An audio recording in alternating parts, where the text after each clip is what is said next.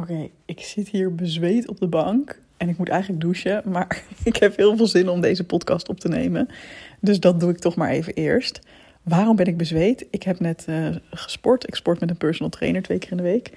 En um, er was een enorme groep middelbare schoolleerlingen die daar ook ineens ging sporten. Dus ik ben gewoon uit overprikkelingsoverwegingen de kleedkamer uitgerend, waar ik normaal altijd lekker even ga douchen.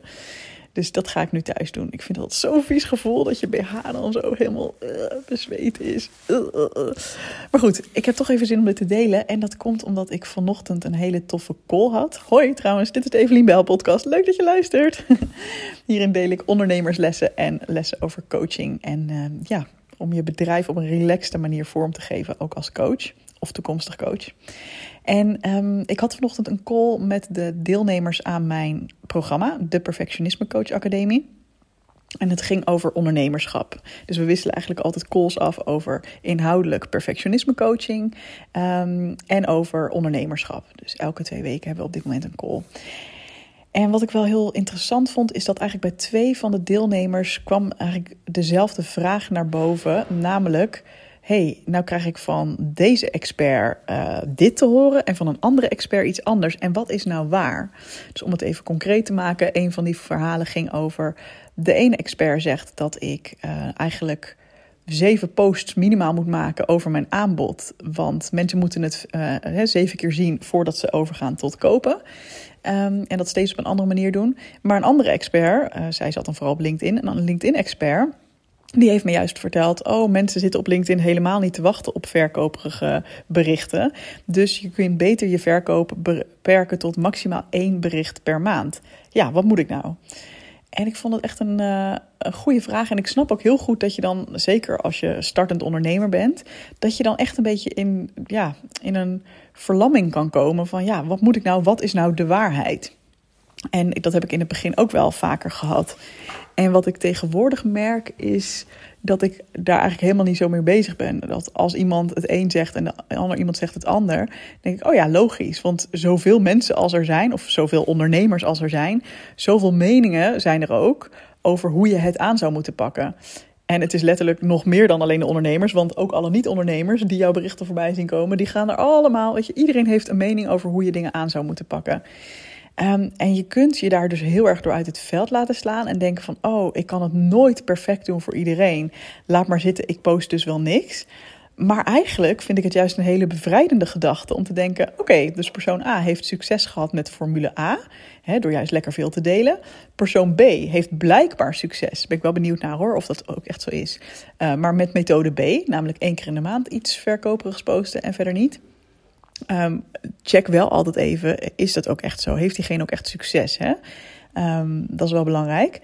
Um, maar ik vind het dan heel geruststellend om te denken: oh, er zijn dus minimaal twee wegen en waarschijnlijk nog wel duizend meer die ik nu nog niet zie. Om naar een succesvol resultaat te komen. Namelijk blije klanten die lekker bij mij instappen in mijn programma en die ik fijn kan gaan helpen en begeleiden. Dus dat betekent dat ik helemaal mijn eigen manier hierin mag gaan ontdekken. En ja, wel een beetje uit mijn comfortzone mag stappen. Van als ik nu eigenlijk niet tevreden ben over het aantal klanten dat ik heb en het mag wel meer, ja, dan is natuurlijk heel logisch dat je meer je aanbod mag laten zien. Hè? Dat je meer zichtbaar moet zijn. Of dat op een andere manier mag gaan doen. Hè? Als je dan heel veel doet, maar de output of het resultaat daarvan is nog niet wat je zou willen, dan is er misschien een andere ja, skillset voor nodig. Of een andere manier waarop je dat gaat delen. Dus bijvoorbeeld door veel meer ook verhalen te delen. En niet alleen maar droog koop mijn product, koop mijn product. Want inderdaad, daar haken mensen inderdaad op af.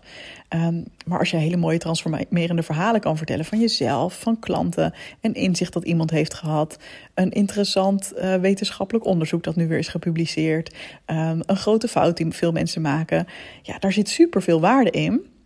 En ja, dat je dan misschien aan het eind ook een call to action doet van hey, neem de volgende stap en plan met mij een gesprek in. Of doe mee aan mijn programma of stuur me even een berichtje uh, of reageer onder deze post. Ja, dat voelt dan ook al minder verkoperig, omdat er dan waarde ook zit in je bericht.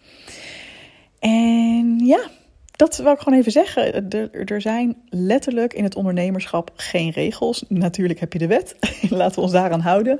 Maar um, daar buiten gerekend mag jij voor alles gaan ontdekken hoe het voor jou het beste werkt. Ik vind het wel een heel goed idee om te kijken naar mensen die jou inspireren en mensen waarvan jij denkt: oeh, ja, daar wil ik ook zelf wat kopen. Dat zijn mensen waar ik ehm, ja, van aanga.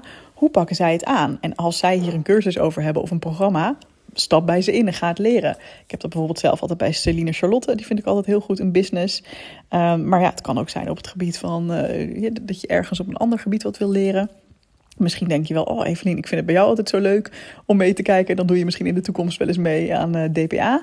Maar weet je, kijk gewoon naar mensen waarvan je denkt, ah, dit is inspirerend. En wanneer wordt voor jou zo'n post bijvoorbeeld Um, ja, wanneer gaat het bij jou kriebelen dat je denkt, oh, en dit is het moment dat ik ja ga zeggen. Dit is het moment dat ik wil, verkopen, uh, wil kopen. Wanneer ga jij aan of over tot koopgedrag? En ja, jouw klanten kunnen anders zijn, maar een deel zal ook hetzelfde zijn als jij. Dus je kunt in ieder geval dat gebruiken als informatie.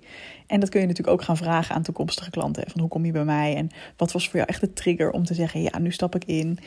Um, daar leer je heel veel van. Maar weet, het mag helemaal op jouw manier.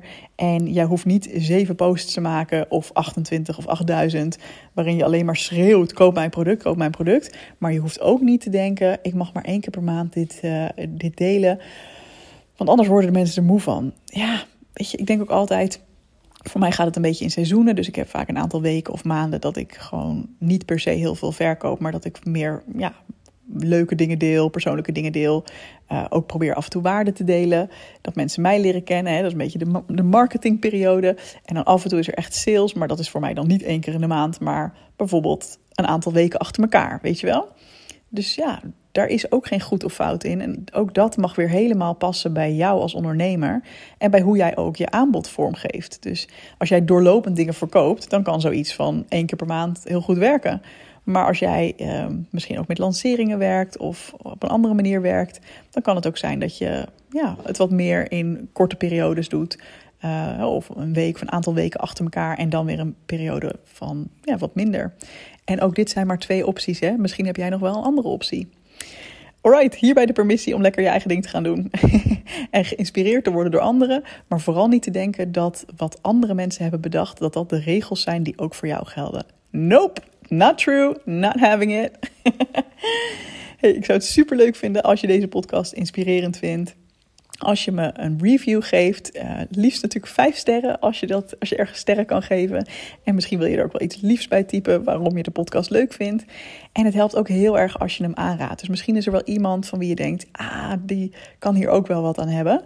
Um, ja, super leuk als je op die manier ook meedenkt. Want dat is natuurlijk de manier waarop deze podcast ook verder kan blijven groeien. En um, ja, dat ik op deze manier ook waarde kan blijven verspreiden. Hele fijne dag en tot de volgende keer.